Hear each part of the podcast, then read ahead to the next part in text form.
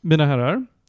Eh, Fifa som spelserie är död. Ja! Hurra! Visst är det det? Det finns inte ett Fifa 24. Är den här FC24 som är... Exakt, det Jag har faktiskt undrat varför den bytte namn. Jag tror nog att det bara är så här, äh, men vad fan, vi behöver rebranda oss på något sätt. Ja men alltså de ska fortsätta släppa spel? Ja, ja, ja, ja, ja, ja, ja, ja. Det är ja. bara, det är Fifa men under ett annat namn. Bu, jag trodde de skulle sluta släppa nya spel i allmänhet. Men jag tittade på, alltså nu spelar inte jag de här spelen såklart, men, men jag gick in och tittade på så här, men vad är det som finns i FC24? Mängden content var, lät ändå imponerande för någon som inte interagerar med serien. Det fanns mycket där, så jag sa okej, okej, det kanske inte bara är ett namnbyte. Det kanske är att de hotar upp det. I don't know. Men det är i alla fall fräscht att se att men någon, någonting ska dö. Senast något sånt där dog var det väl Madden-serien som lades ner någon Ja. gång. Men, men du du förstår att det här, det här är då alltså inte bara en rebrand. Det är också att, eh, vad heter de, EA, EA inte längre har ett avtal med Fifa. Nej. Är det därför? Jag trodde ju Ja. F i FC stod för Fifa Championship eller något sånt där. Nej, alltså det står, vad står det för? Det står, Fotboll. Fot- ja, det står för fotboll någonting. Football Champions Eh, eh, 24. exakt, Mm. någonting sånt. Men, men de har inte längre ett avtal med Fifa. Betyder det, är det därför vi nu alltså inte bara får Fifa-cupen utan vi får lite allt möjligt skit? Hur menar Nej. du? Ja, om, det inte, om det inte är Fifa. Så, Ja, ja du menar, du menar att, måste då, att i spelet ingår det också sånt som inte ingår i Fifa i verkliga livet? exakt. Ah, ja, okej. Ja. Och det kan ju kanske ha varit det som legat bakom det. Och det Men- kanske också är bra. Är det riktiga namn på lagen och spelarna ja, och sådär? Ja, det är det. Är det. Men det, här är bra, för nu har vi alltså gått full circle tillbaka till Atari-spelen. Som bara hette fotboll, fotboll, hockey, Nej, men, nej, men, baseball. ja, nej men det jag, jag, tror, jag tror att allt är liksom, alltså, riktiga spelare och riktiga lag och sådär. Det är bara att det inte bara är Fifa längre, I guess. Men det, är det billigare eller dyrare för dem? Måste det vara dyrare för dem att köpa licenserna utifrån än att ha ett ramavtal med Fifa? Eller? För, för EA menar du? Ja, för EA ja. Mhm. Jag kan tänka mig att det är superbökigt då behöver ha avtal med varje liksom, eh, lag Mm. slash eh, conference än att bara ha ett ramavtal med, med Fifa. Den Men- igen kan tänka mig att men- det är men- mycket men- saftigare ett avtal med Fifa än... Eh, Men, men spel som Football Manager, har de haft ett avtal med Fifa också? För de har ju uppenbarligen haft avtal med alla lag. Det kan, jag tänker det kanske finns någon, någon OK, redan etablerad policy för hur man gör det. Om hej, vi vill göra ett fotbollsspel som har alla lagen och så finns det en kanal du kan gå via. Och som, Säkert. Säkert. Ja, men det, det är ju så beprövat så att Mm. det är ju säkert jättestreamlinade avtal som bara finns. Hej, vill du ha den här licensen eller den här licensen? Så, så här, tydligen så är det så att när avtalet löpte, så behöll de alla licenser som redan ingick i det avtalet. Så att då har de väl gjort någon massförhandling ändå, liksom, utanför ramarna av Fifa. Och nu har de också börjat lägga till så här damkuppar och grejer. Mm. Så att, och det kunde de nog inte göra. men det gjorde de redan Fifa 23. Ja, ja exakt, för det, det var ju det sista som ingick i det gamla Mm. och sådär. Mm. Så att, och det anar jag att de kanske inte kunde göra inom ramarna för Fifa-avtalet. För att Fifa hatar kvinnor. I don't know, det är alltid lite konstiga... Eh, eh, allegedly of course. Ja, just det. Ja, jag, jag har bara hört det här ju. Ja, ja, ja. Nej men jag minns på Fifa 20 till exempel, att eh, Juventus, de fick inte heta Juventus i spelet. Mhm. De heter Mm. Piemonte Calcio. Så Mm. du, du kan inte gå på italienska ligan och välja Juventus, utan du väljer Piemonte Calcio. Mm. Och spelarna, alltså typ Ronaldo, Mm. eh, fick inte heta Ronaldo, det var typ Reinildo eller typ... Reinildo! ja, alltså, jag, jag, jag, jag, tänk, jag tänker mig liksom en hel, en hel, liksom bara, en hel, bara listning av alla, lag, av alla medlemmarna i laget och det känns, det är som en, när det är off-brand Avengers eller off-brand eh, så här knock-off-produkter för leksaker. Det är Juventus på Wish. Ja men verkligen. Eh, Mm. Av, av någon anledning, tydligen Mbappe, Messi och Ronaldo är bland de kända spelarna som inte är med i gruppfotot på FC24-postern. oh. Så Aha. de verkar fortfarande ha licensproblem med enskilda spelare. Vi kommer Jaha. fortfarande få se Reinildo. Exakt. Det kommer vara Ronaldo fast med en litet födelsemärke här. Så har vi gjort. Messi är Messi men med Y på slutet. och eh, Mbappe blir Mbop. Bibimbap. Nej nej, bara, nej, nej bara, bara. Mbapp istället. Mbappe! Bappe! Då blir han plötsligt en väldigt svensk spelare istället. Jag tänker med de fotbollsnyheterna kanske vi tar och rullar igång dagens avsnitt.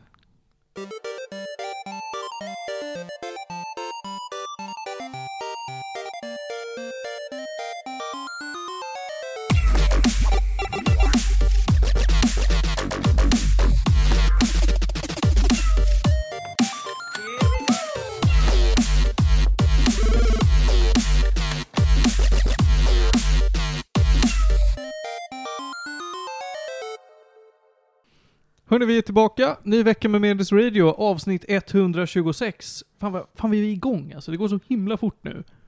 Det är bara för att vi har ökat takten. Ja men det är bra. Jag gillar det. Double time. Hörni, vi har massa roligt att bjuda på idag och eh, vi har en liten överraskning, det kommer vi till. Men först så ska vi säga vilka som är här. Martin heter jag, ni alla känner mig. Det här är, är delvis mitt program. Jag brukar säga att det är mitt, men då blir Ronja jättearg. Så det är det inte. Vet du vad hon kan få göra? Hon kan få säga det till ditt face. Oh wait. Oj, oj, Wow! oj, oj. Ronja kom tillbaka, vi saknar dig. Panos T tufexit, tja. där T står för polis. Va? Ja. Du här. Ludvig Lundberg. Ja, det är jag. Märkte ni nu att det tog lite stopp där med, med ordinarie redaktion? Ja. ja. Det är för att det bara är jag och Panos här. Vi är här. Ja. Men Ludvig, du är ju varmt välkommen tillbaka. Ja, tack så mycket. Det- Alltid trevligt att vara här. Du kämpar hårt om att vara på toppen av frequent gäster-listan. Ja, men jag, jag ser till att ha någonting i bakfickan, redo. Ja, perfekt. Och nu har vi en ny contender till den listan därför att vi har en ny gäst med oss. Välkommen hit, Fede Ojos. Tack, tack, tack. Tack för inbjudan. Ja, det är jätteroligt att du är här. Du har varit bokad nu i, vad blir det, fyra avsnitt? Men det har, det har, det har varit svårt att få dig hit. Du är en eftertraktad herre. Jag är bokad eh, på annat, ja. Kan, kan det också ha att göra med att vi, du vet, bara literally spelar in mitt i en arbetsvecka?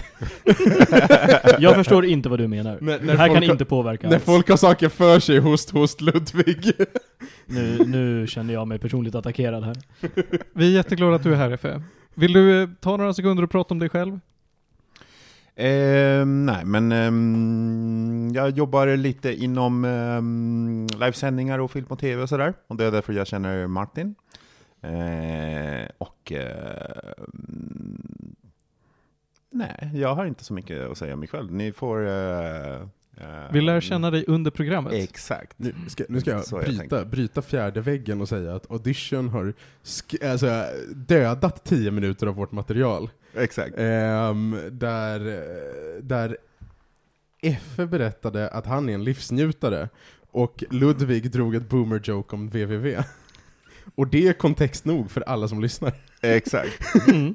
Ja, då... Jag menar det, det blir inte samma sak om man måste presentera sig liksom. Nej, du kan, nej, du kan ju inte dra samma presentation. Nej, det är men därför exakt. jag tänkte att jag ger, Det blir jag, konstigt för oss här som sitter här Mm. som redan har lyssnat på samma jag, presentation. ger, jag ger den förkortade versionen på två meningar, och så går vi vidare. Jag kan däremot definitivt dra samma skämt en gång till. Nej, nu skärper du dig.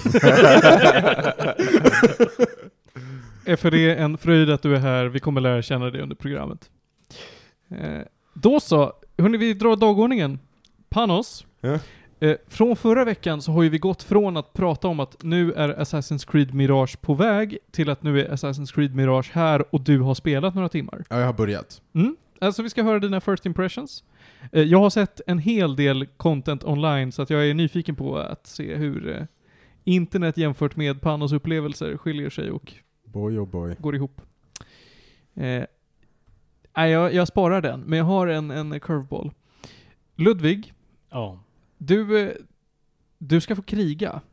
Åh. Jo men så är det. Vi ska prata om sex education som nu har tagit slut. Mm. Och du har starka åsikter. Om jag har. Panos har svaga åsikter. Ibland. Och jag ska försöka att vara någon sorts medlare.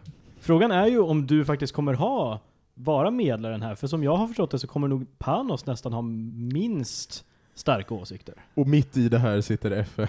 Jag har inte sett eh, Sex Education, så jag kan fungera som en neutral eh, liksom, Ja men precis, du, du eh, får ge input från otroligt lite kontext här. Det, Ja. ska, bli, det ska bli intressant att höra. Jag vill bara se dina ansiktsuttryck när vi förklarar storylines här. Det, Vad jag säger du? det. Knullar de på, på TV? Kan man göra sånt?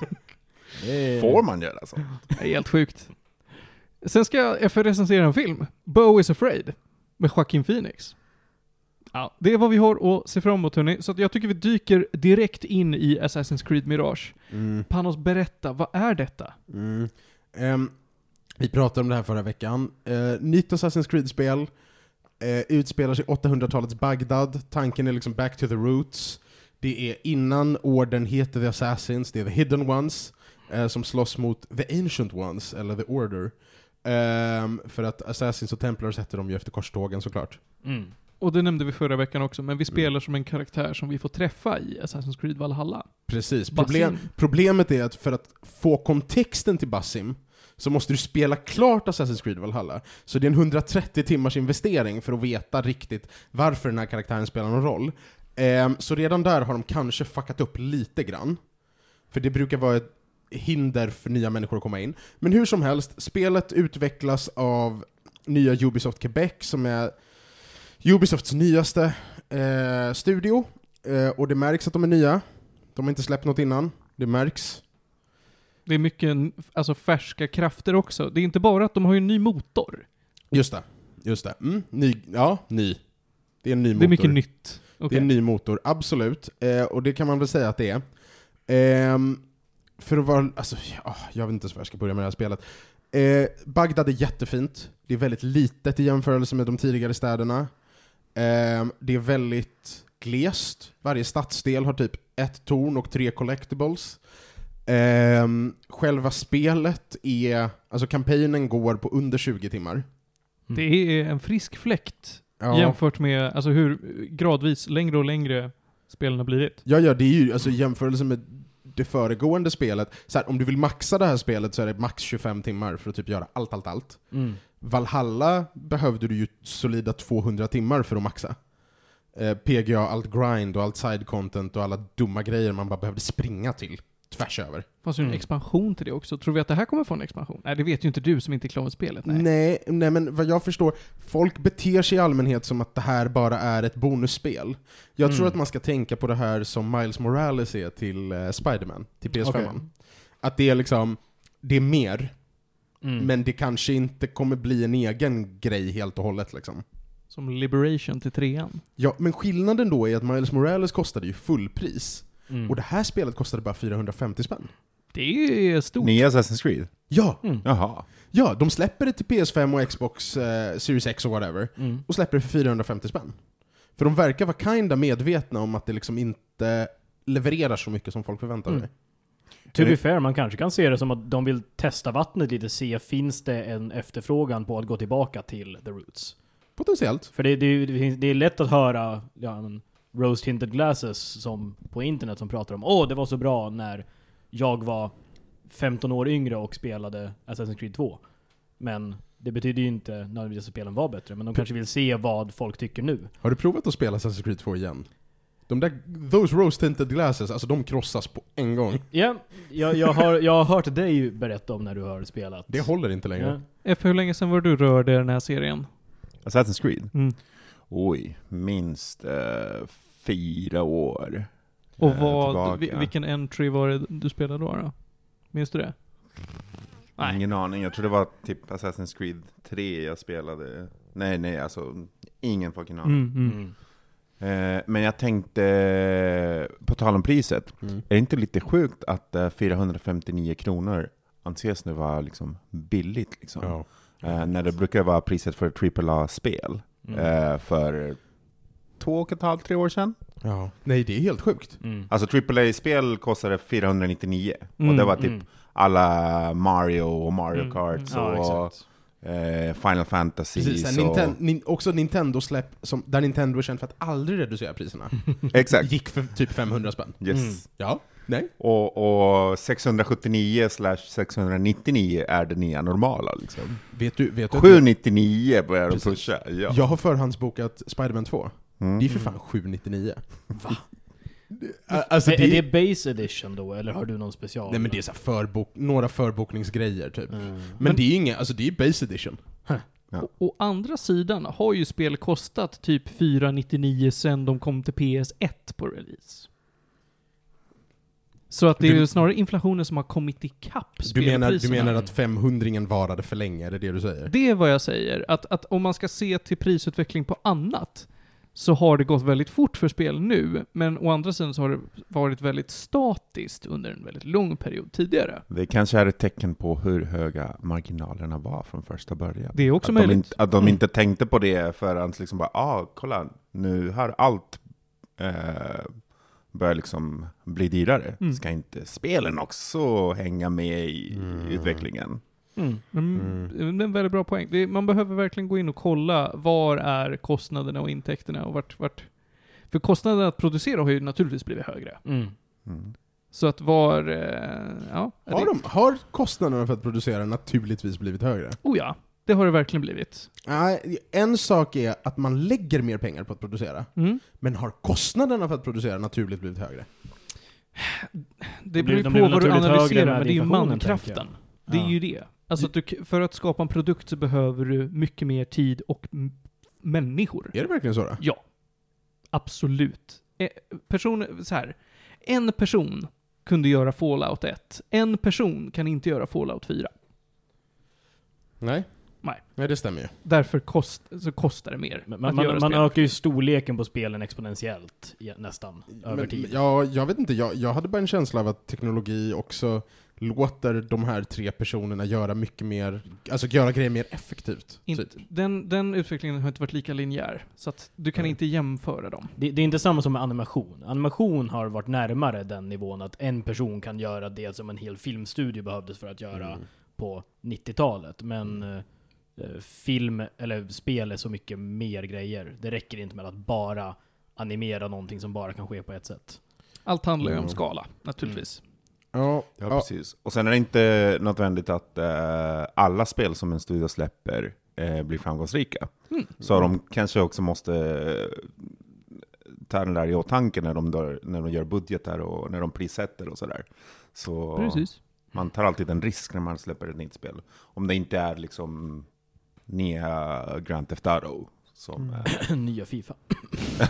Du exakt. menar FC24? Ja, just det. My bad. Med Reinildo. Och Messi. Jag ska, och Be- Pepsi. här, jag har en idé nu till, till vårt Instagram-inlägg. Jag ska be en, en sån här eh, Image Generator AI göra discount Ro- Ronaldo Reinildo. är Reinildo. alltså, seriöst, prova Ali, be den, AliExpress Ronaldo. Liksom. Mm. prova bara be den göra Reinildo, se vad den gör. Wi- Wishnildo.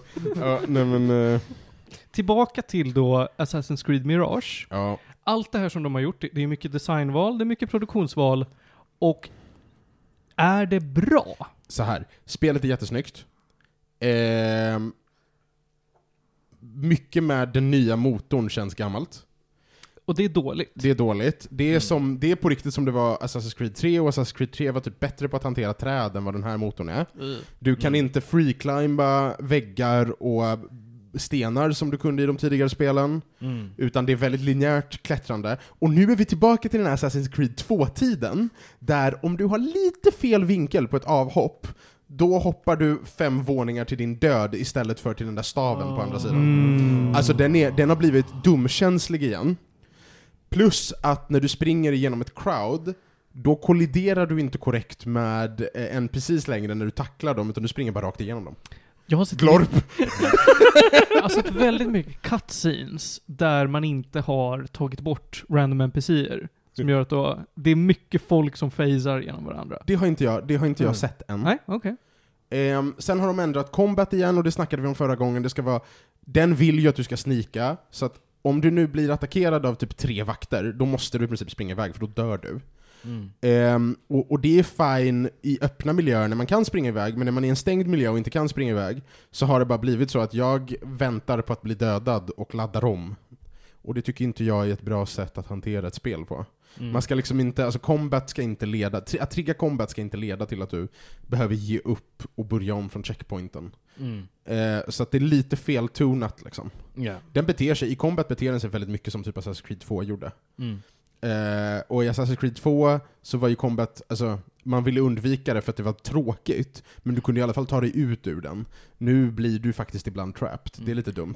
Det här, det här är inte ditt, ditt jobb att lista ut, men har du funderat på någon egen idé på vad man skulle kunna lägga in för att lösa problemet med när man är i en stängd miljö? Alltså, ja, jag vet inte. Så här, de har ju gett någon ability där man kan targeta flera targets och sen chain-killa dem liksom. Ja, okej. Och då är det väl, jag antar att med, i, i spelets gång så får du väl så pass mycket resurser att du i princip kan göra det rätt ofta. Så att Mm. jag tror att de kompenserar för det längre fram, och tanken är väl att man ska känna starkare i slutet. Liksom. Alltså, jag vet inte. Okej, så det finns ändå någon slags ja, men, eh, progression, men snarare på nivån att nu lär du dig att göra den här attacken efter en mission. Alltså, I ungefär. guess. Eller... I guess. Men det här känns också, alltså, så här, det här känns också lite som eh, God of War, det första nya God of War. Mm. Som jag, Sjuan. Ja, sjuan som jag också klagade på för att de hade lagt väldigt mycket på combaten, men det du behövde lära dig var hur spelet glitchar, inte liksom hur, alltså du vet så här, man, Mm. man behövde liksom lära sig runt spelet istället för att lära sig spelet. Och det blir kanske lite fel effekt för progression. Vadå, lära sig glitchar? Nej men typ, alltså, ehm, har, du, har du spelat eh, God of War? Jag har bara spelat nyaste God of War på eh, PS5. Ragnarök? Ja. Ja, den innan? Ja, och den innan också. Det Den var innan tre... Eller vad heter, heter den? Tre? Nej, Den, God of den War heter bara. bara Bara God of War, ja, ja. Ja. Mm. den det- har jag också spelat. För att i den har ju, alltså jag, jag tycker bland annat dodgen Mm. och kastyxan, Mm. eh, hitboxarna, är helt broken. Som är dåliga och Ja, ja, ja. exploitable, men framförallt att det, det inte beter sig som du tänker att de ska bete sig. Alltså dodgen, dodgen är ju inte pålitlig. Ibland dodgar du, ibland inte. Mm. Och yxan kan ju vara också så här helt opålitlig, eller extremt overpowered. och det skiftar från Ja, ja, fiende till fiende. Ja men de, den är bara inkonsekvent. Mm. Mm. Medans, eh, medans Ragnarök, där är ju allt polerat till Yes. perfektion. Ja, ja, ja. Mm. Ja. Så att Assassin's Creed Mirage känns som ett spel där man kommer lära sig vad som är fel med combaten, och därför kommer det funka. Right, right, right. Jag har sett flera videos om det här spelet. Många som visar upp knas, många som visar upp exploits och eh, med, med framförallt en dålig AI. Mm. Jag vet inte, finns det, finns det svårighetsgrader i det här? Ja, det finns det. Okej. Det finns För, svårighetsgrader. för folk har visat upp hur dum AI är, som att du kan nästan gå fram till någon och bara slightly gå runt dem och backstabba dem. Ja, ja. I princip. Ja, men då kanske det är på lättare svårighetsgrader naturligtvis. Ja, ja. Men det kan man. Man kan i princip det. Och du kan också, det är mycket pickpocketing i det här spelet. Ja. Mm. Och de har lagt till en liten mekanism där det blir ett quicktime-event, där du behöver, där det kommer en ruta, och så måste du liksom tajma den när den passerar en Just det. cirkel eller någonting. Mhm. Whatever. Yeah. Eh, och jag har fan aldrig varit med om en så enkelt quicktime-event, för att zonen man ska klicka i ser Mm. jättesmal ut. Yeah. Men det går, alltså jag kan liksom göra det, jag kan blunda och göra det. Och det funkar. Jag är inte missnöjd, jag aggroar aldrig. Men Mm. det är också lite så här, lite komiskt. Mm. Lite komiskt. Ska vi backa till combaten? För jag, Ja. jag tittade nämligen på en video av allas vår favorit Video Game Donkey, Bästa Donkey. bästa Donkey, där han Kan jämförde... Donkey sponsra oss? Ja, det hade varit trevligt. Big Mode kan sponsra oss. Hans eh, produktionsbolag. Ehm, vad han i den här videon säger är att fiender reagerar inte på att de blir slagna och jämförde combaten med Shenmue. Vi har, vi har haft, ganska nyligen har vi haft ett helt avsnitt, alltså en timme och 20 minuter, där Martin berättar för oss om Shenmue-trilogin. Åh jävlar, okej. Har du, har du någon koll på Shenmue? Jag kan inte säga att jag har koll på Shenmue. Mycket bra. Kul, Ja. Bra för dig. Väldigt unikt spel till Dreamcast. Åh, Dreamcast. Dreamcast var en jävligt eh, udda Sega-maskin. Mm. It, it was one of the consoles of all Ja, time. ja. I Har alla inte samma veva Panasonic släppt en grej som de döpte till 3DO? Eller Jo. något? Åh, Jo, jo, ja. jo. Mm. tror 3D var lite innan faktiskt, men det var i samma veva. Ja. Eh, det var, it was wild times It man. was wild times. Men ja, att, att det är ju inte ett gott tecken när någon jämför eh, någonting egentligen med Shenmue. Så eh, kan du i alla fall känna igen det här, att det känns som att du skär genom luften men du ser en HP-bar gå ner. Ja, det känns typ De det. reagerar liksom inte. Nej, det, alltså, det är jättekonstigt. Usch. Det, är, det är ett underligt spel. Ehm, jag gillar ju Assassin's Creed, så jag gillar ju att få mer content liksom. Mm. Men, men jag hoppas också att det här blir en språngbräda till ett spel där de kanske har lärt sig lite av läxor Mm. av det här. Ja, jag vet inte. Ja, ehm, ja, vi får väl se. Du ger inga gäddor för att du inte är klar med... eh, Nej. Och i, Mm. och i den här takten kommer ju ett nytt spel inom typ ett och ett halvt år, så Mm. att Okej. sorgen kan inte vara för länge. för, Kommer, brukar de släppa typ DLC eh, efter? Ja, alltså till, till Valhalla Ja. och till Odyssey, de två senaste spelen, då har de ju gjort det. Men de spelen är ju också utformade som RPG och inte alls som Assassin's Creed-spel. Men är det typ nya banor eller bara liksom Ja, lite men- mer swag? Nej, nej, nej, det är nya banor. Utan okej. i, till Odyssey har de ju släppt Atlantis, som Mm. är typ 40 timmar eller vad det är. Med, med en, hel side, en hel question. Och till Valhalla har de ju släppt Ragnarök, som är 80 timmar, också en helt egen Mm. question. Med sidequests och grejer. Så att, men, men de spelen var ju också tänkta att bete sig som RPG-er. Alltså Mm. man vill ju typ emulera The Witcher. Just det, just det. Så. Ja. Eh, så att, och nu är ju inte tanken densamma längre, så jag antar, alltså jag, jag kan inte veta, men jag antar att det inte kommer något. Nej? Mm. Jag hoppas att det inte kommer något, det känns konstigt. Det känns lite konstigt att de skulle göra ett icke full price spel Och sen släppa en och DLC. sen släppa en DLC till det. Eller så, så är det här DLCn. Ja, jo. Ja, hallå! Förlåt! Jag har glömt att nämna det. Eh, när, när Ubisoft Quebec började utveckla det här, Mhm. var det här menat att vara en DLC, till Valhalla? Nej. Oh! För att Så det var DLC som de gjorde till ett... de började utveckla det för att göra det som ett DLC, Mm. till det förra spelet där den här karaktären finns med. Så att det var tänkt att du skulle köpa till en DLC för att lära dig om hans origins. det här svarar på typ alla frågor. Eller hur? Eller hur? Och sen så bara, ja men ni är en ny studio, ni kan väl få släppa ett riktigt spel? Och så fick de släppa det som ett eget spel för 450 spänn. Aha. Right. Men, men då känns det också jättekonstigt att de gör en total 180 på typ alla mechanics som har definierat Men- men alltså jag tror- Origins till Valhalla Vet du, vet du, vet du Säger vad? du det? En ställt DLC? Låter det så konstigt? När jag slår vad... Nej, men in, jag, in, inte nödvändigtvis stealth DLC, men att gå så mycket back to basics out of nowhere när alla andra DLCs bara har matchat viben. men inte det här, jag tror snarare att det är tvärtom, att när de har fått veta att det ska bli ett eget spel, Mm. då har de backat på designbesluten. Ja, exakt. Det är vad jag tror. Jag tror att designbesluten har ändrats, alltså du vet, jag tror inte de hade behållit den här designen om det blivit en DLC. Mm. Utan jag tror att alla de här misstagen har skett efter att det blivit Ja, ett nej, eget spel. exakt. Ja, Mm. ja. jag, jag håller med Ja. på det. Weird. Mm. Spännande det. Du får komma tillbaka Panos och ge final verdict. Ja, vid någon punkt. Sätta poäng på det. Eh, och så går vi vidare. Och Mm. nu ska vi kavla upp ärmarna. Ja, de är uppkavlade. Vi ska prata sex education. Sex education har vi pratat om tidigare. Jag ska kolla upp när faktiskt. Det var ett tag sedan nu. Det var ett jävla tag sedan. Ja. För att senaste säsongen var ju ändå för vad, ett par år sedan eller något? Ja, men de har haft ett Två- ganska schysst... Eh, Tror jag. schysst Två år sedan. Jag tittar här i vår... eh, Varför se? Har vi inte haft det som ett riktigt ämne? Har vi bara haft det som snabba? Nej, det finns ingen risk i det. Nej men jag tittar här i vår, vårt ämnesregister och jag ser inte att sex Men, education... men Effe, har du, har du hört om den här serien i alla fall? Eh, ja, så när jag bläddrar på Netflix så, Så dyker den kom- upp. dyker den upp. För det här är en av de That serierna... much I know liksom. Precis, det här är en av de serierna som har varit så lyckade att, de, att Netflix jättegärna trycker upp den i folks ansikten. Mm. Mm. Det, det, det, det var en av de där serierna som är så lyckade att eh, det faktum att den var så populär var det som gjorde att de faktiskt skrev en fjärde säsong till den, till stor del. All right, För right. de, hade, de, de gjorde den tredje och så sa de att vi är ganska osäkra på om vi vill göra någon mer säsong. Vi, är ganska, vi hade varit okej med att avsluta det här. Men folk började, verk- alla fans började, nej men vi måste få ha, vi, vi måste få med, vi måste få veta vad som händer med den här karaktären och vi behöver få veta ett avslut här och så vidare. Okej, så de, så, eh, så de, de böjde sig lite till det här och skrev eh, den fjärde säsongen. Delvis på grund av det. Låt oss dra några snabb, lite snabb bara fack-fakta om eh, den här serien. Den började då den 11 januari 2019. Så har de släppt en säsong om året ungefär. Det var ett och ett halvt år mellan andra och tredje säsongen.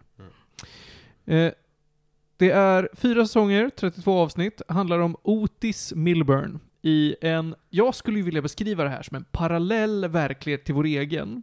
Varför vill du göra det? Jo, därför att det här absolut inte är grundat i verklighet alls. det här, är, det här är så skruvat, det som händer och hur folk beter sig i den här serien. Att det Va? är... Jag är så stark på det här. Ska vi redan slåss? Vi ska redan slåss. Det här är inte verkligt. Okej. Ah, Okej, ah, alltså, Det här är för, bisarrt. för, för, för det jag skulle säga, det absolut första som har slagit mig med att kolla på den här serien är hur verkliga karaktärerna faktiskt är i den. Ja, nej. Okej. Ingen karaktär Så- så känns grundad i verkligheten. Så här, Otis är, Otis är en kille som går på gymnasiet. Hans mamma, som spelas av Gillian Anderson, en Mm. av två faktiskt kända skådisar i den här. Eh, Alltså X-Files, X-Files, eh, Gillian Gillian, Anderson. Anderson. Exakt. Scully. spelar sexterapeut. Vilket också stämmer väldigt väl överens med Gillian Anderson som bedriver en massa sexed-projekt på sin fritid och grejer. Alltså hon är, hon är den typen av hippie, det är jättetrevligt. Mm. Ehm, Otis går på sin gymnasieskola där alla tonåringar är sexuellt frustrerade och börjar bedriva sexterapi inne på eh, ett av de övergivna husen med så dass, gamla toaletter typ. Så att han, kids kommer till honom och får rådgivning i sina problem för att han kan fem grejer mer Och vad kvalificerar honom som... eh, Att hans mamma är sexterapeut. hans mamma är- han, inser att han har ju absorberat allt det här. mm? Och av en ren slump bara rå, råkar ge terapi till en klasskompis och därefter så blir det Som, som neutral part eh, i det hela, så kan jag säga att det låter fullt troligt och rimligt. Ja. Mm, ja, visst. det. Ja, men vi har inte gått in Alltså, på detaljerna här. Bisarrt, Mm. Och- men, men ändå absolut. fullt möjligt Och liksom. det, det här har vi också snackat om när vi har pratat om tidigare säsonger om det här, att även i verkligheten så finns det faktiskt ingen officiell, alltså det finns ingen officiell utbildning som kvalificerar någon att bli sexterapeut. Mm. Man kan bara kalla sig det, och så är man det. Bara man är sexintresserad så Typ. kan man kalla sig det. Typ, kinda. Så, att, så, att, så att, så är det ju liksom. Eh, Och, och, och vä- värt att nämna här lite är ju att eh, han, eh, när, när man säger att han är sexterapeut, det är ju sex och relationsterapeut delvis. Det handlar ju, och, och det handlar ju inte bara om sexuella akter, det handlar ju om allmänhet, folk i tonåren. Det kan vara osäkerheter kring sin utveckling bara som egen person också. Men det börjar ju som väldigt... Eh, det, ut, det utvecklas lite mer under. och, sen så får man, och sen så får man liksom lära känna dels hans bästa kompis Eric, som är en homosexuell eh, svart man som kommer från en hög kristen familj. Eh, och killen som spelar Eric, Nkuti Gatwa, har varit så poppis från den här serien att han har blivit erbjuden rollen som Dr. Who i nästa uppsättning. Jaha. Det, det, det, det om något är en karriär. Mm. Eh, för alla britter är det nog topprollen, punkt. Ja. Alltså alla britter är oavsett vad med i Doctor Who. Men att vara doktorn. Ja, Mm. exakt. The Doctor. Exakt. Mhm. Eh, och, sen, och sen så är det då det passiva kärleksintresset slash terapipartnern Maeve som spelas av Emma Mackey. Emma Mackey har också fått en karriär efter det här. Hon, hon har ju varit med i eh, så här All-Star casts för Agatha, Agatha Christie-filmatiseringar. Hon var ju med i Death Mm. on the Nile. Eh, hon har också varit uh, kärleksintresset i, ja nu glömmer jag bort, eh, han, som, han som gjorde Eiffeltornet gjordes det ju en film om. Och hon var tjejen som han ville göra Eiffeltornet åt. Hon spelar. Barbie i Barbie. Hon spelar Barbie i Barbie. En av Barbie. Ja, jag vet inte vad du menar. Hon spelar Barbie. Nej men, ehm, och... Eh, och sen så, den andra kända skådisen som är med i den här är skruvat nog Micke Persbrandt. Mikael Persbrandt. What? Som, som spelar den... Typ eh, sig själv. Ja, som spelar sig På själv. en engelsktalande... Ja, serie. Ja, sve- men- svengelsk. Ja, för han, han är ju en svensk i, I den den. här serien. Han är en svensk Okej. rörmokare. Mm. Som blir ihop med Otis mamma. Vilket är jättekul, för det här betyder ju att, att vi får höra, eh, man får, man får uppleva hur, eh, hur, am, hur amerikanare tror att svenskar pratar. För alla svordomar som finns i det svenska språket löp, bara löper ju ur Persbrandts mun när han ska prata svenska, när det är the foreign language. Och det är säkert någon amerikansk eh, writer som... jag, jag, jag eh, som har tror det. delvis, men sen tror jag också att de bara sa, vet du vad? Svär lite på svenska Micke och se vad som händer. Och han, och han började svära på svenska. Han har ju då i intervjuer sagt att han har inte lärt sig manuset för den här serien alls. Så att det var ju jobbigt att ha honom on set. Så de har behövt tejpa upp manus där han ska titta. Så att han vet vad han ska säga. Liksom så förstörd efter Beck. Ja, det är många gånger han pratar men är utanför bild. Det är bara att han står och läser manus. Ja. Nej men, eh, och sen då, så säsong ett och två är ju typ bara utvecklingen av, av den här terapin och introduktion av nya tonårskaraktärer. Mm. Eh, mest för, för ett sätt att förmedla... Alltså, i säsong 1 och 2 så förmedlas väldigt mycket så här sunda tankar kring Mm. vad det är att vara tonåring och hur det är att komma in i, i liksom livet som sexuellt Mm. aktiv och att Mm. utvecklas. Och I säsong 2 börjar de också introducera lite transfrågor och könsidentitet. Och, så här. Mm. och allting görs på ett väldigt pedagogiskt sätt och man märker att de har haft bra konsulter och det är liksom Mm. sammanhållet och bra. Och, och det, fin- det finns ju alltså ingen liksom slags, det finns ju ingen overarching story på det sättet. Nej. Utan det är bara slice of, det är lite mer slice of life. Alltså overarching story är att Otis och Maeve kinda shoulda get it on. They will, they won't they. Men, Ja. men det händer aldrig. Men alla de andra karaktärerna, de har ju bara, de bara lever livet. Det, det är inte att något speciellt, att de har något speciellt, visst de har, ju, de har ju motstånd i livet, men det är ju inte att de har något stort mål som de ska Nej, nej. mot nödvändigtvis. Och sen så, så händer någonting stort i säsong två och kommunen bestämmer sig för att tillsätta en ny rektor på skolan. Så i säsong tre, som är det tredje året av eh, Englands fyraåriga gymnasieutbildning då, så tillsätts en ny rektor som är eh, någon form av pastorkvinna, jättesexnegativ, eh, som liksom ska försöka vända skolans rykte från the sex school till en normal skola. Mm. Eh, slutar i total katastrof och skolan stängs ner. Det här var i andra säsongen. Det tredje säsongen. Tredje säsongen. Och nu kommer vi in i säsong fyra som är den nya och sista säsongen. Spontant låter det som att efter de två första säsongerna så satt Netflix och bara okej, vi måste liksom eh, ta in en antagonist. Någon som skapar kaos och vänder på det hela liksom. Absolut så. Och det är lite det som jag inte gillar med Netflix-serier, just på tredje säsongen. Som bara går och går och går. Ja, för liksom. de, de, de blir så klichéartade slash predictable. Mm, De eh, formulaic. Ja, formulaic, exakt. Mm. Eh, Men jag Ja. förstår vad du menar. Mm, det, mm, det, mm, konceptet tycker inte jag heller om. Sen kan man ju göra någonting bra av det naturligtvis, men, men visst. Och värt att nämna då, det är lite kul att du säger det, utan att vi ens har förklarat vad säsong 4 innebär, så innebär ju säsong 4 är det en ny twist? Ja, så, så i slutet av trean så stängs skolan ner, bara totalt stängs ner. Den, den, den slutar existera. De Mm. sätter ut plakat runt den och Ja. allting. Det är bara, den är helt borta. Eh, Det är slutbilden från säsong tre. Liksom. Ja, i stort Typ. sett. Ja. Eh, Att, ja, nu, ni vet inte, åh, ni har ingen aning om vad som kommer hända Mm. nu. Ni har, you have no idea what you started, ungefär. Eh, och säsong 4 börjar och i stort sett alla kvarvarande, eh, vi, vi, vi, man vet alltså, man vet utifrån att vissa ville bara inte fortsätta med serien. Så deras karaktärer är borta av logiska anledningar. Mm. Exempelvis Persbrandt, RIP. Ja.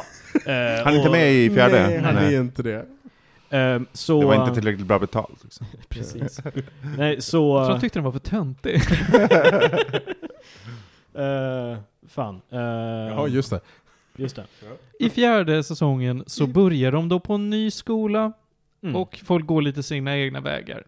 Eh, och det är ju såklart då, en ny setting gör ju att man kan ta till väldigt mycket nya drag. Mm. In nya karaktärer för att ersätta de gamla, bygga upp nya storylines och så vidare. Och så ska de göra det, men ändå knyta ihop serien på en säsong. Mm. För det är sista säsongen. Ja, Ja. nu är det helt finito Mm. bandito. Vi, vi kan väl börja lite på, på just det där du säger, introducera, introducera nya personer. För det här tror jag är en av de få sakerna som vi håller med varandra om. Mm. Och det är att de nya personerna får ingen utveckling. Korrekt. De, och vilket är lite, och, och det, det, är en, det, är en, det är en fråga jag verkligen har, att behövde de verkligen introducera nya personer? För det kändes som att de hade de hade verkade ha en ganska tydlig intention att knyta ihop säcken med de existerande karaktärerna. Vilket är rimligt, det är sista säsongen. Men de här nya karaktärerna, de...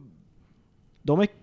Fin, de bara är där. De, det, och det, det känns knappt ens som att de assisterar våra main characters i resan. De mest bara existerar runt det. Det, det Visst, varierar eh, lite grann. vi- Vissa vi- vi- karaktärer kommer in och har ett moment där de ska göra ett statement innan de Mm. försvinner in i medelmåttighet igen. Ja. Men andra håller jag helt med om att de, de bara existerar. Mm. Eh, Jag, jag, kan, kunde ju känna lite det, det nya coola gänget till exempel. Fuck det nya coola Det, det, det, det nya coola gänget på skolan, de, de bara var där och var häftiga och omtyckta av folk. Och man tänkte, okej, det här bygger väl upp till någonting. För, för det kom lite, det kom liksom li, lite så här, lite snea ögon, lite snea ögon genom seriens gång. Man tänker, ja men det här ska väl bli någonting av Något dramatiskt. något dramatiskt, någon dramatisk vändning. Men nej. Det, Jag, jag, har, jag, jag har en invändning direkt. Mhm. Så här, de får börja, de blir omplacerade, så kidsen från den gamla skolan blir uppdelade i flera olika skoldistrikt och whatever, så vi följer Mm. en grupp som hamnar på en ny skola. Och den här nya skolan är någon form av sexpositivt, könsneutralt, elevdrivet demokratiskt paradis. Och man kommer in och allting är i queer färger och det är jättemycket tydliga liksom, queer-människor överallt. Och, eh, och folk dricker grönt te på gräsmattan och har yoga. Och alltså du vet så här. Och från ungefär sekund tre så kände jag antingen så är det här ett väldigt elakt skämt, eller så är det vad boomers föreställer sig att det queera paradiset skulle se ut som för liksom Gen Z. För att det är så jävla disconnected. Alltså det är så här komiskt överdrivet. Ser du, nu är det det här jag säger, vad jag säger om hela serien. Det är Ja. exakt det jag säger nu, säger du till mig. Ja, men det, är- alltså säsong fyra är ju liksom oproportionerligt mycket värre än resten av serien. Kanske. Jag jag skulle säga att, för, för, för du, du säger ju det, du har ju nu inte sett färdigt serien. Nej. För, för det jag kan säga är att, jag, det jag var orolig för när jag hade sett några avsnitt, jag, tog en, jag, jag såg en två, tre avsnitt, sen så tog en liten paus, sen så kollade de sista i sträck i stort sett. Och det jag var, jag var också orolig lite över samma sak under, efter de första avsnitten, för jag kände okej, om de bara lämnar det här nu, och inte på något sätt adressar att det här är, vad ska man säga, the polar opposite av den supersex-negativa skolan som det försöker skapa upp i trean. Eh, då känns det som bara ett, en cheap shot. Eh, för det de gjorde i säsong tre, som de gjorde bra med att den här, ja de kommer in med den här totala vändningen, är att det är relevant för storyn Mm. fortfarande. Det är inte bara en, en, en, en, en slags backdrop som bara ska finnas där, utan det, det får konsekvenser för karaktärerna och så vidare. Eh, och jag var orolig för att det inte skulle göra det i säsong 4. Jag var orolig för att det här skulle bara, ja det kommer lite statements ungefär i första avsnittet och sen så existerar folk bara där och det här tas aldrig upp igen. Men jag tyckte faktiskt att de tog upp det igen. I de sista episoderna. Absolut, de tar upp det igen. Och, och, jag, och jag tycker ändå att de... eh, och, och det på någon nivå ty, får mig att säga att jag, jag skulle inte säga att det här är, eh, som du beskriver det, boomers uppfattning av liksom the gender, the gender positive paradise. För de tar upp det som egentligen blir någon slags, eh, vad ska man kalla det, toxic positivity. Att de är så besatta av att vara öppna och snälla att de skjuter alla problem under mattan. Jag, jag köper vad du säger nu, Mm. men jag tycker det får för lite space. Det- för det, jag- det jag- går jävligt fort Det, det, det att ta, det- dra in den bras, Mm. brasklappen. Ja, det, det, kan jag, det kan jag hålla med om. Och bland alla statements som talar för vad de bygger upp under resten av avsnitten, mm. så faller det lite platt. Att Okej. så här, ja men ni har ju byggt mot det här och sen så, ah, by the way, det finns den här twisten också, det finns det, eller det här lagret typ. Mm. Och sen så är de lite klara med det. Det där leder ju lite in på i allmänhet att jag hade behövt fler avsnitt i den här säsongen, faktiskt. Mm. Jag hade velat ha två till, tror jag. Två avsnitt till. Jag, vet- jag vet att de, de har hållit sig till åtta per säsong. Mm. Men jag tyckte verkligen att det hade, åtta episoder räckte inte. För jag tycker inte att det var så mycket, jag tycker inte nödvändigtvis att det var filler. I de avsnitten som fanns. Jag tyckte att allting som hände var ändå, re- det var relevanta saker som behövde hända för storyn. Men jag hade behövt, för som du säger, det kommer väldigt hastigt. Eh, de, de tar hänsyn till den här, till den nya skolan, den nya miljön. Men det kommer väldigt hastigt och sen hinner man inte riktigt se konsekvenserna av det. Och det hade jag, det håller jag med, det hade varit bra. Eller det hade, de hade kunnat göra det bättre. Jag tycker att istället för att ha fler avsnitt hade de kunnat skära bort några av karaktärerna. Okej. Några av storylinesen som var här, för att de är för... Eftersom att karaktärer inte har samma ark, det vill Mm. säga att ja, men jag har ett problem, jag går igenom karaktärsutveckling och här är jag nu när vi lämnar dem, i och med att serien också tar slut, Mhm. så är det väldigt mycket som är ljummet. Den här karaktärens storyline leder ingenstans, eller känns som att den är bleknar eh, bland mer intressanta karaktärer till exempel. Eller Mm. mer prominenta karaktärer. Då känns det som att, ja, men då kan vi skära bort det som är ljummet för att utnyttja settingen eller eh, utnyttja någonting nytt. Bara, för, bara som en, liksom en lösning på det problem som du presenterar. Mm. Så tror jag att jag vill inte ha mer, för jag gillade ju redan inte det som presenterades. Så då är det bättre att laga det som presenterades än att göra jag, mer. Jag kan förstå det. Jag är ju till exempel, jag, jag är ju en, jag, jag är ju en stor Ruby-hater till exempel. Jag, jag förstår inte folk som, folk som tyckte om att hon skulle vara ihop med Otis, och jag förstår inte eh, folks obsession med att hon hade en bra character. Jag håller verkligen inte med. Jag tycker hon är en bitch genom hela serien, och jag tycker att eh, hon, hon är den enda där jag, inte, där jag inte förstår hur hennes bakgrund fick henne att bli som hon var. För, för, för både Effe och de som lyssnar oinvigda, Mm. det här är ju då alltså eh, det här är ju då generationens Twilight-konflikt. Team Jacob, Team Edward. det är väldigt viktigt. Ja, I guess, men samtidigt... Blir man eh, tvungen att Ab- välja sida inte. som Nej, Absolut nej. inte, Alltså, absolut det, det, här, är- det, det, är inte alls på samma nivå, utan det här är mer att det, det, det finns ett litet subset av, Ludvig av, av folk som tycker om den här filmen, som tyckte att eh, som tyckte att Ruby och Otis, Ruby är ju då den superpopulära eh, tjejen i, på första skolan. Mm. Otis är Eh, ju en kanontönt. Och precis, Otis är absolut supertönt, och på, på, av någon anledning så börjar de dejta i säsong tre. Eh, och Jag- folk tyckte att det var jättegulligt. får det ge för- hopp till töntarna? Ja men typ.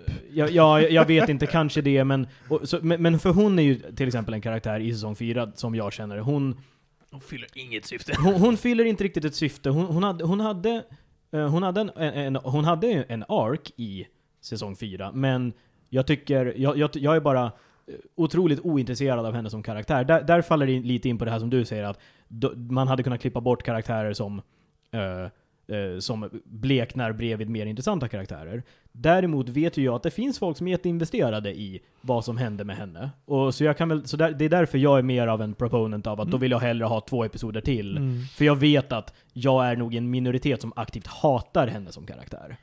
Jag kan ju veva mot det och säga då att jag, jag gillade inte att de skrev in, att, för det hände nämligen mellan säsonger, att Otis och Ruby blir ihop. Eh, det tycker jag inte alls om. Men under tiden som de är ihop och sen gör slut och deras vänskap efteråt, den tycker jag är så fin att jag gillar vad de gör med Ruby. Men jag ogillar att de valde att göra en relation Men, menar du även i säsong 4 nu alltså? Eller? Mm, alltså jag att du menar gillade säsong tre. Okej, mm. jag gillar att du bara är säsong tre. Ko- kontroversiellt. Ruby är en karaktär där vi faktiskt får, alltså det är en karaktär där man går från första intryck till background expo till nytt intryck på ett väldigt effektivt sätt. Hon är en karaktär där storytellingen lyckas. Mm. Och den andra sådana karaktären jag vill prisa är Amy.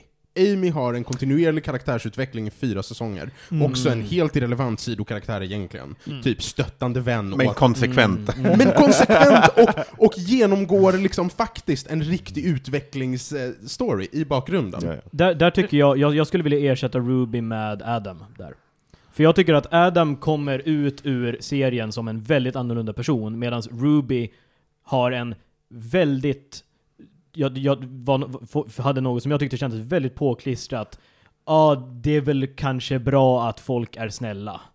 Ibland. Mm. Ja, men jag köper det. Och, och jag tycker det var, det kändes, nej, vet, vet ni vad? Ni borde committa till att hon är stone cold bitch i så fall, och inte ge henne en till synes från ingenstans uh, re- redemption. För skillnaden här är, för lite background då, eh, Adam börjar, b- börjar hela serien som lite, lite, lite bully, lite, lite utstött, men han, han, tar, han tar mycket plats, han är ihop med en av de snyggare tjejerna på skolan, och hans pappa är rektor.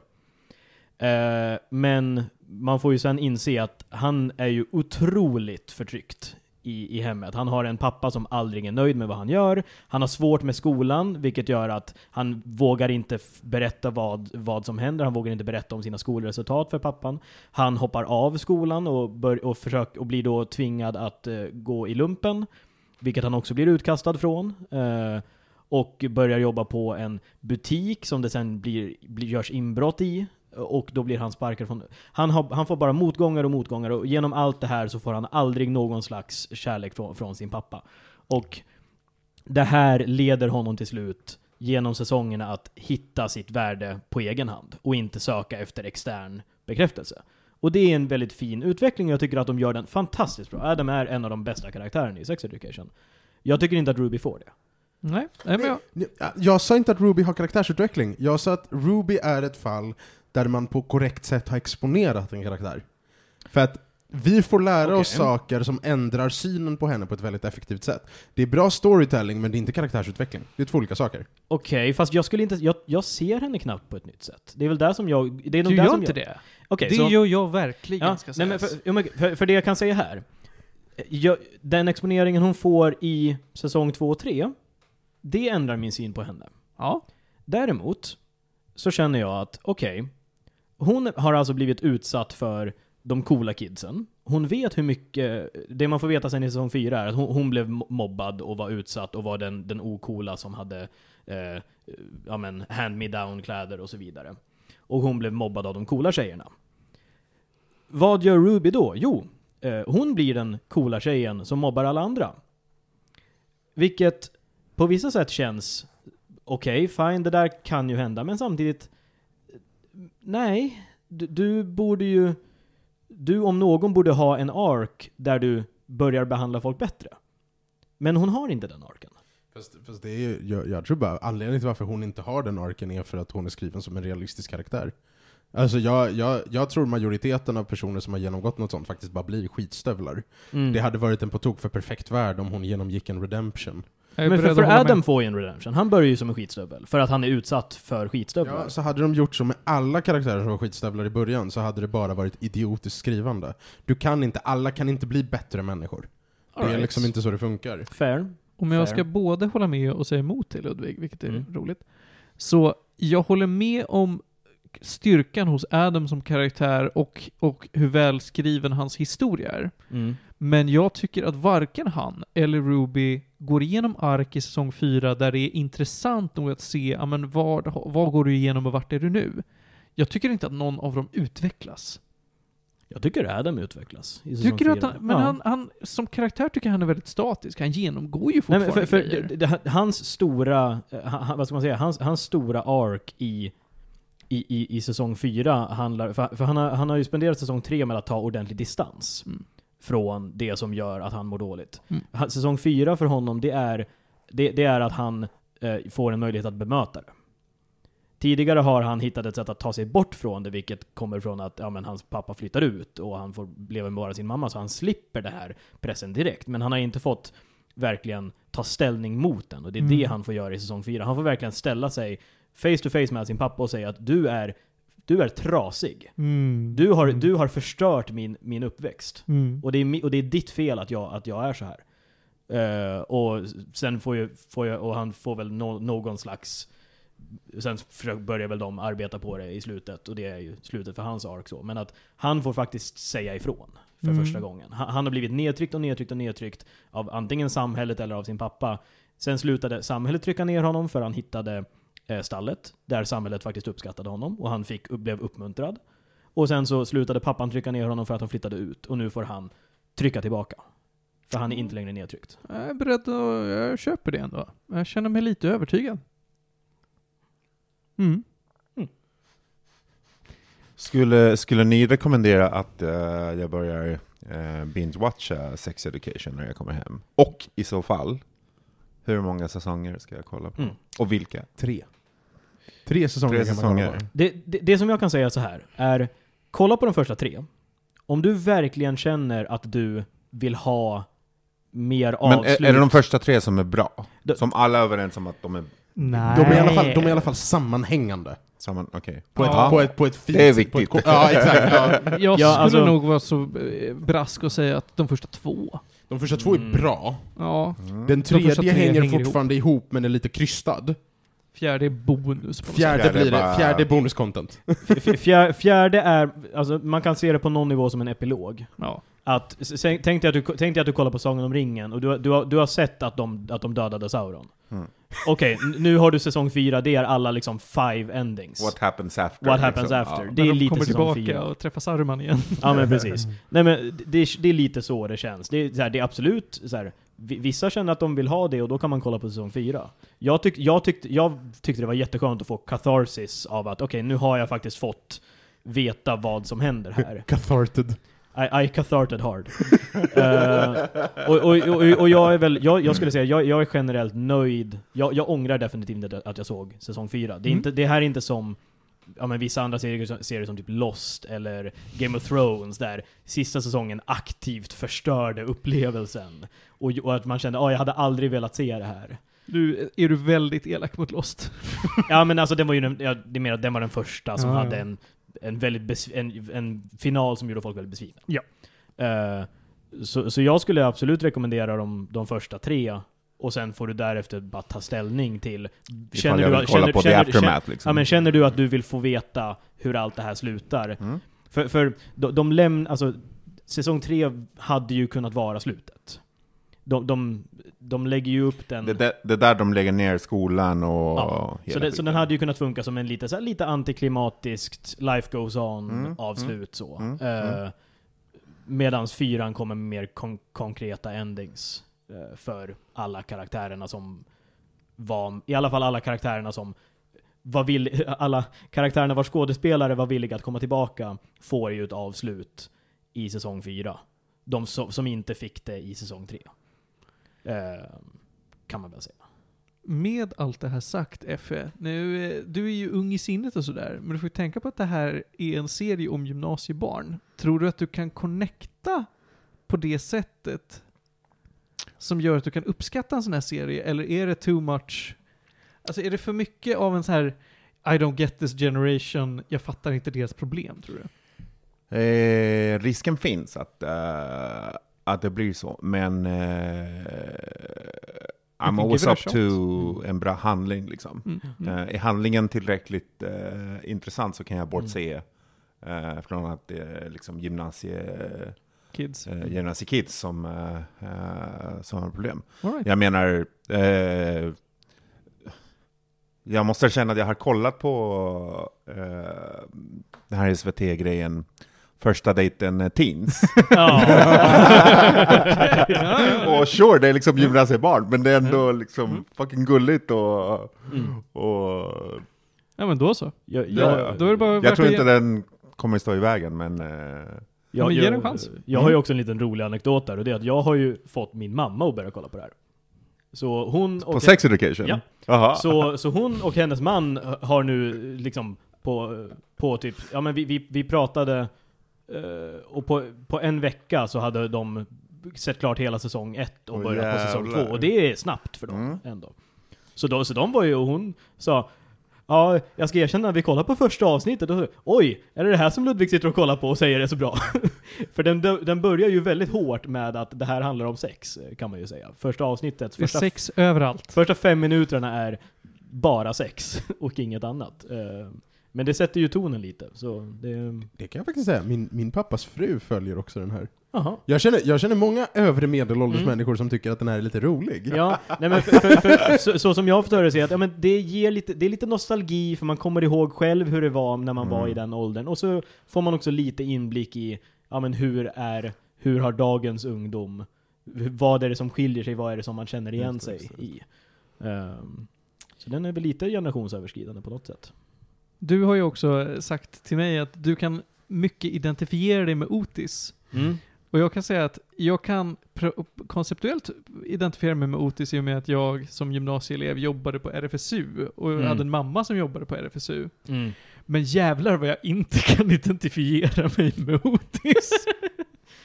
Nej men eh, det var väl mer, det är väl mer egentligen att om jag skulle placera mig själv i den typ allmänna dynamiken eh, på, som sex education har, då var ju jag den personen som hade i stort sett en kompis, en väldigt nära kompis på, på gymnasiet.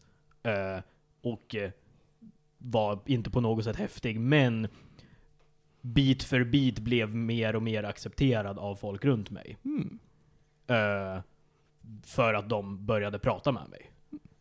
Mer och mer.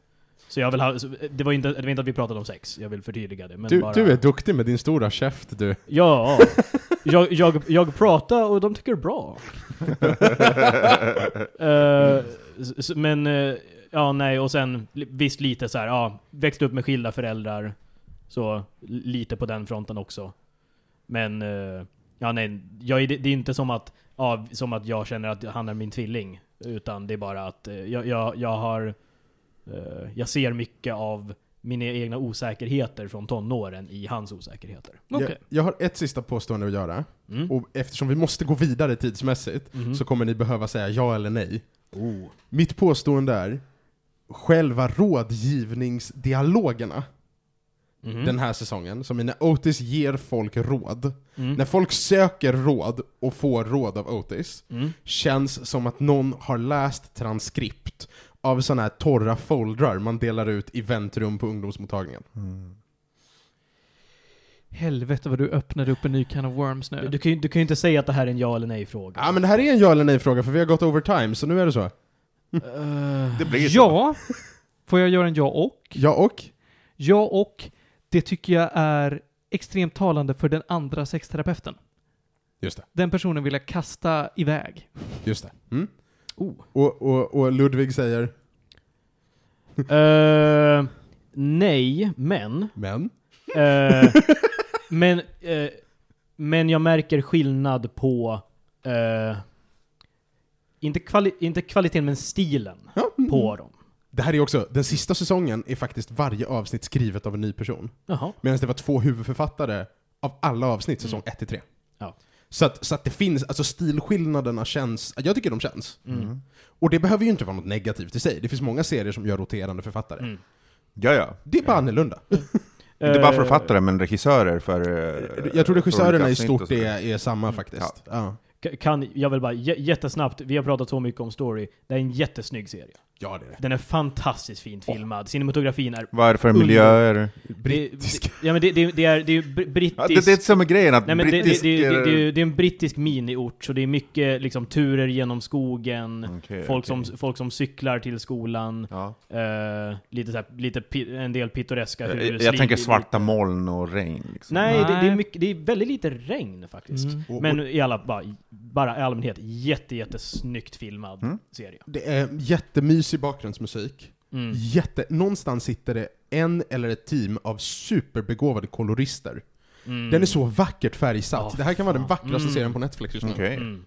Faktiskt. Vilket imponerar, för det är sånt, man, sånt som oftast är okej nog att man inte riktigt tänker på det. Mm. Den är jättefin. Ja, jag är inte en sån som brukar tänka på färgsättning, och jag gör det Den i är typ så varje fin. shot. Ja, det är... Men Det känns du, som att jag måste kolla på den bara av den anledningen. Liksom. det, är, det är ögonfallande, så att det håller den ju kvar. Men någonting som inte håller den kvar, min sista roast nu då, är hur folk pratar. För att framförallt i säsong 4, de har de äckligaste jävla dialekterna. Ah, det, blir, det, blir, det blir bara värre och värre faktiskt. fan! Ja, alltså, nej men okej, ja, Roman, jag har så svårt för Romans dialekt. Ja, det är en grov skotsk dialekt. Den, den, är, den är så otroligt jobbig Kan att... du försöka härma honom? Alltså, det... I, re, I really do det, det, det är, det där är knappt överdrivet, skulle jag Nej, säga. det, det var Den ganska är- representativt. Det är Den, den är förfärligt. så grov. Det är faktiskt förfärligt, det är Mm. katastrofalt. Oh, wow. Däremot, var, däremot, allt är, däremot med Erics dialekt, allt han säger är guld. Ja, men han kommer ju bli nästa Doctor Who, så att det Mm. blir bra. Det blir bra. Honom kommer vi få höra mer av. Det, nu är vi klara. Mm. Eh, vi ska ge Sex Education lite gäddor, det är alltså hur vi sätter poäng. Eh, Ludvig, hur många gäddor av 10 får Sex Education? Hela serien, Säsong 4. säsong 4. Säsong 4 får... Den får 7. Och jag hade gett resten av serien, åttor, resten av säsongen hade jag gett 8 eller 9 rakt av. Högst möjliga 10, I guess. Mm. Ja. Jag säger 6. Och... Education.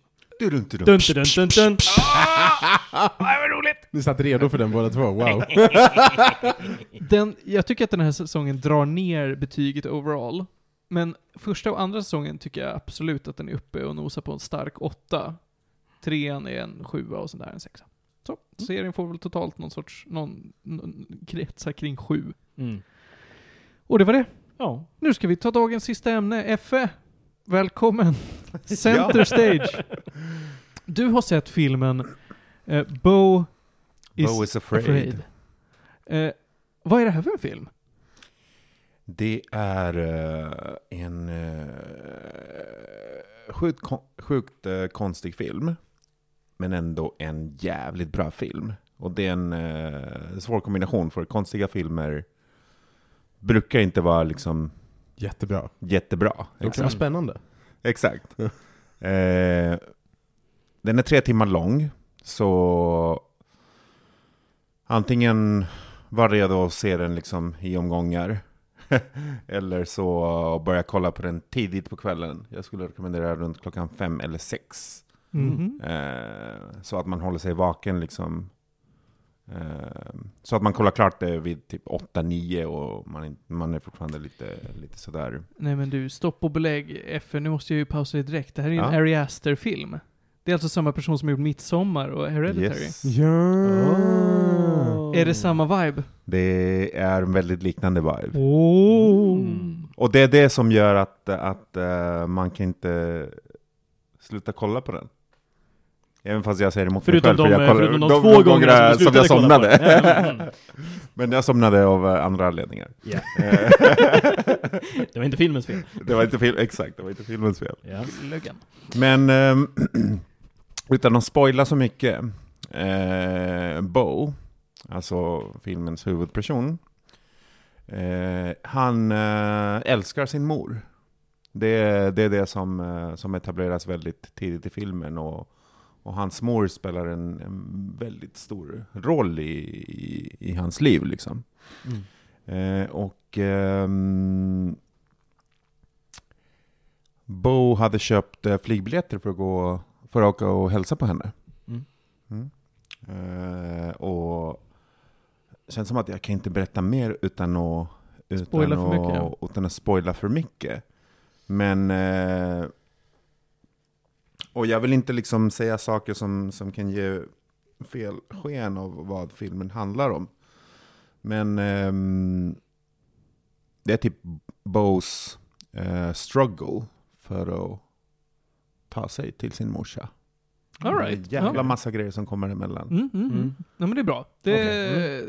det är en bra summary av, av vad det är vi tittar på här. Så, det, så det, det är resan till sin mor, så att säga, som Bildligt och bokstavligen.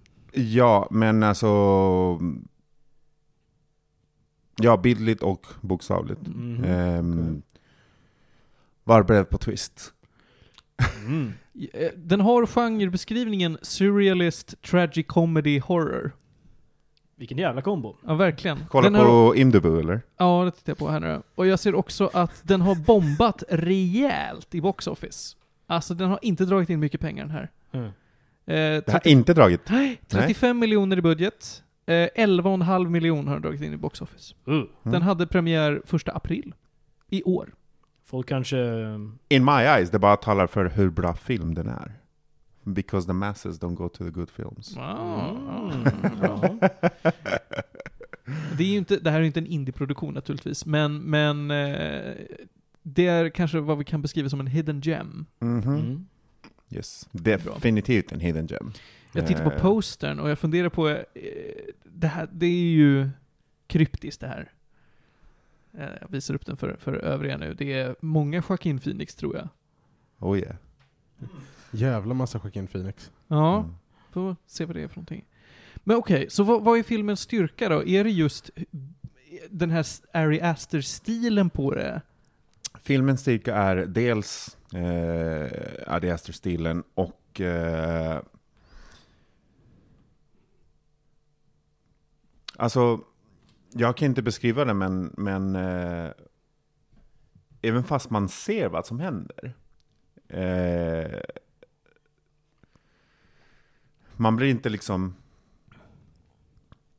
Man blir inte klokare. Av det, eller? Man blir inte klokare. Nej, men eh, jag menar... det är inte som att man blir liksom... Inte disappointed, men, men att, eh, att man... Ah, okej, nej, nu är det slut. Utan... You become one with Bo. Mm. eh, at some point. Oj, vad skumt! Mm. ja, boy. Men det är en känsla, det är en, kanske en svårbeskriven känsla. Men det är, om vi tar parallellen då till Midsommar så är det ju en film där du hela tiden känner obehag trots att inget obehagligt händer på ganska länge. Och även fast det händer något obehagligt så går det sen tillbaka till att, men, minute to minute actionen är inte så obehaglig. Men du sitter och bara, shit is going on and Men- this is creepy. Men typ samma obehag som man känner två tredjedelar in i Get Out. Ja, Innan det faktiskt blir berättigat. Mm. ja. Mm. Jag antar att det inte riktigt är samma obehagskänsla här, men är det ändå att det väldigt tidigt är någon, någon sorts känsla som sätter sig i en, Eh, som man bara inte blir kvitt, typ? ja, och, eh, och skulle jag säga vilken känsla så skulle jag också spoila. Mm. Eh, Ah, jag, kan bara, jag, jag kan bara säga att... Fuck, det är också spoiler, men fuck it. Alltså slutet. Holy fucking shit. Mm. Mm. Eh, Det är ingenting man väntar sig. Det är bland bland den, de konstigaste sluten på, på en film som jag har någonsin Okej. eh, sett. That's all I can say without spoiling wow. too Men much. som alla bra filmer som bombar in the box office så skulle jag gissa på att slutet säkert döljer en massa mening ingen fattar. eller? Eller så här, eller så här, det betyder grejer, det är bara inte tydligt vad. Nej, alltså få, jag tror de flesta kommer fatta. Ja. Men, eh, men eh, det, är- det, det är ingen uplifting Mm. ending. Nej, det är nej, så. men det, det förväntade nu sig ingen. Vänta, tre timmar och inte uplifting ending? Är det här Oppenheimer alltså? Wow. Spoiler alert, they all die. Det här eh, filmen, du, du säger att det är en hidden gem. IMDB säger ju inte det. Eh, den har 6,8. IMDB betygsätts och folk, folk är Mm. dumma. Folk är ju dumma va? Men hur många recensioner är det? 43 000. Oj, Det var, ändå, det var ändå en respektabel mängd för att vara en sån liten... hidden gem. Men, ja, ja men eh, faktiskt, för vanligtvis när det är sådana där småfilmer så brukar det ju vara max 20 000 som har röstat. Den är det inte några kändisar som gör eh, cameos? Jag kan eh, kolla. Mm. Ska se vad jag Det kan. är, det, det är det säkert Ari Aster. För, för, förutom den li, lilla liksom C-list actorn Joaquin Phoenix då. Exakt. Mm, jag tittar på castlisten här. Jag ser inte jättemånga som jag bara säger ja men det är ju Nej. du. Jag ser Bill Hader. Han är ju med ja, ibland. från SNL. Ja, precis. Mm. Bill Hader as UPS guy, så där är vi en cameo. Ja, ah, just det fan. Ja. Eh, Spoiler, UPS med i filmen. vi har ju väldigt många sådana här alltså cameo-roller. Vi har en person som spelar Strange Man. Oh! Which of them? ja, precis, det är ingen aning. Här, här står det då som en cameo att David Mamet, vet jag inte vem det är, has a Hey. vocal cameo. Hej, Richard Kind spelar! Det är ju han, den, den eh, eh, Ja, det är han. irriterande patienten med hypokondri från Scrubs. Oh! Mm. Han är med i Spin City och Curb. Ja, exakt. Ja. Jag kan i alla fall berätta hur jag kollade på den här filmen, alltså de här tre omgångarna. Första gången kollade jag på första timmen. Mm. Eh, och även fast jag ville kolla vidare, kroppen orkade inte och bara tjuk, slockna. Mm. Andra gången började jag kolla från eh, första timmen och framåt. Mm. Eh, och eh, då somnade jag också eh, efter en timme. However, tredje gången, då bestämde jag mig för att kolla på hela filmen Mm. igen Mhm. från början. And uh, it was a good choice. För det är massa små saker som, sure, man... eh, Allt blir så mycket starkare när man liksom kollar på det igen och bara, aha, okej, Mm. alla de små detaljer spelar en jävligt eh, stor roll. Så Mm. det är Checo, Checos rekvisita garderob ungefär. Typ. Mm. Cool. Mm. Mm. Watch it. Vi kan nog inte... eh, Vill du ge den ett betyg? Eh, ja, jag kan ge det ett betyg. Vi kan inte säga så mycket Eh, mer om det, men du kan, ett Nej, betyg och kan nu, nu få. vet folk inte hur jag betygsätter, jag är väldigt generös. Eh, Mm. och så. Men eh, jag ger nog eh, 8,5 gäddor. Det är Mm. många gäddor, men det är bra. Det är Mm. bra. Är det, är det den främre halvan eller den bakre halvan på gäddan? Det är eh, främre halvan. Mm, mycket Oh, bra. Det är en bra Extravagant. Ja. Hörni, det var dagens sista ämne. Eh, men då vet ni vad det är dags för innan vi säger hej då för den här veckan. Fan, jag vill se den här. Är den på bio fortfarande? Nej, det är den inte. Nej. nej, nej, Den är inte det. Nej. Nej, bra. Mm, då ska jag se den. Men jag vet, inte på, jag vet inte på vilken plattform den finns. Jag kan kolla. Vi får kolla. Mm. Så länge så drar vi tre snabba innan vi säger morsning goodbye. Och jag har ju den här veckan också lyssnat igenom en artists hela diskografi. Mm. Ja, det har jag gjort. Jag har lyssnat igenom eh, popartisten Joakim Gissberg, som går under artistnamnet Gissberg med G. Eh, Okej. Han har gjort eh, i princip bara singlar och en liten EP. Han har Mm. gjort ett pro- musikprojekt tillsammans med Mange Schmidt, där de har gjort några låtar tillsammans. Jaha. Eh, Jag tycker Gissberg är en duktig artist. Jag rekommenderar framförallt låtarna, hans senaste singel, Ditt och mitt, tyckte jag var fantastisk. Och, Vad är det här för musik? Bara lite ja, men det, det är popmusik, Mm. ibland lite funkigt. Alltså han experimenterar lite med Okej. stilar. Men det är absolut popmusik liksom. Ja. Eh, och låten Sluta snacka skit som han har gjort med Mange Schmidt tyckte jag var jävligt rolig. Så Gissberg. Sen så, eh, film. Nosferatu fyller 100 år i år. Fuck yeah. Ja, Spooky. Otroligt spooky klassiker. Det här går att se, ni kan se det här på Filmhuset säkert. Alltså det känns som någonting som de visar. Cineasten eller någonting. Ja, visst, visst. Det finns väl också någon, det finns väl en, en streaming-sajt som bara har public domain-filmer? Fast det här är problemet va? Eh, Medans original, alltså för att Nosferatu genomgick värsta processen, Mhm. där Bram Stokers fru claimade dem på rights och tvingade dem att förstöra alla kopior av filmen. Men hela grejen var att de tog sig runt genom att kalla... ja men de, lyckade, de lyckades inte De lyckades inte? Nej, absolut Okej. inte. Hmm. Så hon tvingade dem att förstöra alla kopior av filmen. Eh, och de enda kopiorna som blev kvar var liksom undangömda på arkiv. Så att det finns, och de är ju skitsletna. Så Mm. på YouTube finns de liksom, alltså klippen, bara digitaliserade klippen rakt av, Mhm. av de skitsletna kopiorna. Mm. Och sen så finns det också en reduxad version där folk har gått in och liksom Alltså på riktigt för hand skrapat till ljuset på, på varje filmblad. Wow. Eh, Och den versionen är inte i the public domain. Hmm. Utan det är bara skitkvaliteten som är på, gud, på, på tyska Mm. som är i public domain. Den kan man kolla på på YouTube, gratis. Mm. Medans, Men inte den restorade? nej den fixade versionen har, har inte gått så lång tid för. Hmm. Så Mm. den måste man nog faktiskt kinda betala för att kolla på. Ja. Eller? ja. Exakt så. Eller? Eller? Det här är en speciell film. Försök att se den. Det är fett. Del av filmhistoria. Eh, 100 år gammal filmhistoria. Det är ni. Mm. Till slut, ett spel som jag tycker väldigt mycket om och tycker får för lite space. Finns på Cineasterna Den förresten. gör det. Fan nice. ja. Vilken? Cineasterna? Jo, jo, namnet. Ja, Nosferatu. Ah, okej. Ett spel som jag vill vurma för nu den här veckan är Catherine. En, vad kan man kalla det för? Det är typ en spin-off till Persona. Och det är en, både psychological horror, pussel, det är mysfaktor 100, lite plot twistig. Eh, finns till de flesta konsoler nu för tiden, men jag rekommenderar som vanligt att spela det på PC. Mm. Catherine alltså. Jag tror att eh, remasterversionen heter Catherine Full Body, eller sånt där. Very nice. Ja, very nice. Och det var allt vi hade för den här veckan. Effe, tack för att du kom hit. Nej men tack själva för att eh, jag fick komma. Ja, det var visst. supertrevligt. Och Ludvig, du är så välkommen. Åh, tack så Mm, mycket. Tack för att du är här. Panos, Ja. tack så jättemycket för att du kom. ja, jag brukar vara här. Och jag brukar också vara här. Eh, Har jag någonsin inte varit här? Nå, en gång. Eh, Fast sände vi någonsin det avsnittet? Ja, det gjorde vi. Gjorde vi det? Det avsnittet har vi sänt. Okej, Ja. spännande.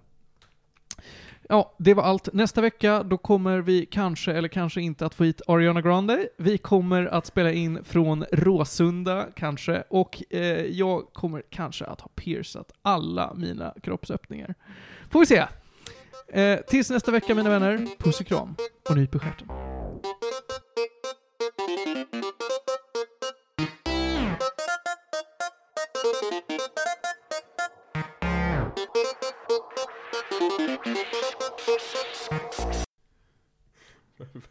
Varför, du, varför går du ens runt och tänker på Fifa? Ja, ibland gör jag så lite på jobbet att jag tänker på allt. Som idag, jag såg en hel film och bara för att ha något att göra. Under arbetstid? Ja, Nice. det händer. Vissa dagar har jag sett två filmer en arbetsdag. Jag, Jag, jag, ska- jobbet ska- som konsult. jag, jag, jag ska typ, ändå... ehm, I ett fönster bredvid din Excel, eller? Exakt. Bredvid Excelen, ja. Det är därför jag har två skärmar. Jag, jag satt ju och bara stabilt spelade WoW under ett möte eh, igår. Strong. Det, det, det kändes bra. Jag, jag hade ny, någon ny, nydingad gubbe som jag behövde köra lite Dungeons på, så jag satt där och lyssnade. För det var ändå bara en person från företag, från kunden och en person från vårt gäng som bara satt och snackade om två komponenter i ett jättestort system och hur de, man skulle göra med just de två komponenterna. Man Hade såg du din kamera på? Nej, jag hade inte kamera på. Mm. Eh, och man, man, man såg hur projektledaren från deras sida satt var, han, var så, han var så trött. För han sa, han, han försökte flera gånger, "Ah, vi behöver ju inte ta det här nu, vi kan ju vi ska prata om det stora hela, vi kan ju ta det där Vi kan, vi kan boka in ett nytt möte i veckan så ni kan prata om det här Och så säger en av dem som tar det här Ja, ja men absolut, vi tar det på torsdagsmötet. Och han bara, mm, nej, torsdagsmötet skulle ju också vara om det stora. så, nu, så nu ska de få ytterligare ett helt möte för att prata om två komponenter. Så jag kände inte att jag bidrog. Så då gör man annat. Eh, på tal om eh, tråkiga eh, möten. Eh, har ni testat den här Nvidia-plugin som eh, följs, följer med på RTX-kort? Som gör möten roligare. Nej, som gör att, eh, som gör att eh, dina ögon ser ut att titta framför ja, hela tiden. ja. Så att du, ja. Ja, jätteläskigt! Jätteläskigt! Men ändå Väldigt nice. obehagligt! Det här måste jag ju kolla in. Det här är ju, det här kör vi nu. Jag har ju, alltså jag, jag sitter också, när jag, när jag jobbar hemma, då har jag två skärmar. Och så har jag då webbkameran på porrinställning på ena. Men alltså det är så verkligen camgirl-vinkel. Eh, och, sen, och sen brukar det ju ofta sluta med, och då är det så dumt för att kameran hänger ju på gamingskärmen. Mhm. Så att jag spelar till exempel League of Legends på den skärmen. Ja. ja, Och sen är ju zoom på andra skärmen. precis. Så när jag tittar på samtalet en gång var femtonde minut, Mm. då ser det ju ut som att jag kollar bort. så, Ja, jag, exakt. jag, så jag pratar ju konstant bort från kameran. Inte bra. Nej, det är inte bra. Och det är där Nvidia-pluginen kommer och räddar eh, dagen liksom. Eh, Man ser skitengagerad ut liksom. Mm. Det här ska jag kolla Hela upp efter tiden. programmet. det låter fett. Det här, är inte, det här är inte, återigen, bra utveckling för individen, dålig för civilisationen. Mhm. Teknologin har officiellt gått för långt. Det, här, det här var... Det här var bara... Nej men jag är lite nyfiken om hur den hanterar typ exceptions, typ folk som bara har ett öga. Mm. Att kommer den liksom Eh, Just det. rita en till digital öga där det inte finns? Ja. Eh, eller någon som har, eh, alltså typ, tänk om en pirat sitter och Ja men det, det, det finns ju någon, någon senator i USA som har ögonlapp. Mm. Hur blir det för den personen? Ja. Exakt. Eller folk, kommer den korrigera folk som vindar? Och de bara, vad fan? Du ser ut som en Det måste testas. människa." For science liksom. Gå fram till någon på stan, ursäkta jag ser att du, du vindar med ögonen, skulle du kunna hjälpa oss lite snabbt här med ett vetenskapligt experiment? Men inte, det här är väl varför um, Toby i tio år nu har bjudit in hundratusentals människor eller vad det är. Jo, De delar ut så här biocheckar och grejer till vem som helst som man hittar på gatan. Ja. För att den här eye-trackingen, eye-tracking. De sitter här i Eye-tracking-grejen. Mörby. Jag hade en sån där skitgrej hemma. Mm. ja men den var- måste, ju, den måste ju kalibreras med tusen olika skelningar i beaktning. Alltså du vet så här, Mm. alla måste ju literally kunna använda den, annars är den ju värdelös. Mm. Så, att, så att det är därför de, de håller på att samla in Skandinaviens samlade population som data. Och, och, det, är- och det är de där eye trackers som streamers har, att de ska... Eller? Alla eye trackers är typ Toby. Så att, Ah, okej. bland Mm. annat. Men an, det används ju mer industriellt än vad det används för kommersiellt. Toby syfte. jobbar bland Ah, annat okej. jättemycket med så ALS-patienter och folk, men som, exakt. folk som bara inte kan röra på någonting annat än ögonen. Ja, ja, okej. Mm, Vi har haft ja. konsulter på Toby Mm. ett tag nu. Det är väl eh, sånt de jobbar med liksom. Mm. Bara AD-testning, AB-testning. Yes, eh, är vi redo att kicka igång då? Det är vi, vi är redo. Yes. Jag tror vi hade redan kickat igång. Vad sa du? Jag tror vi hade redan kickat igång. Nej, Det här, kommer bli, det här kommer bli, den här lilla biten kommer bli en, eh, en sån här blooper på slutet eller något.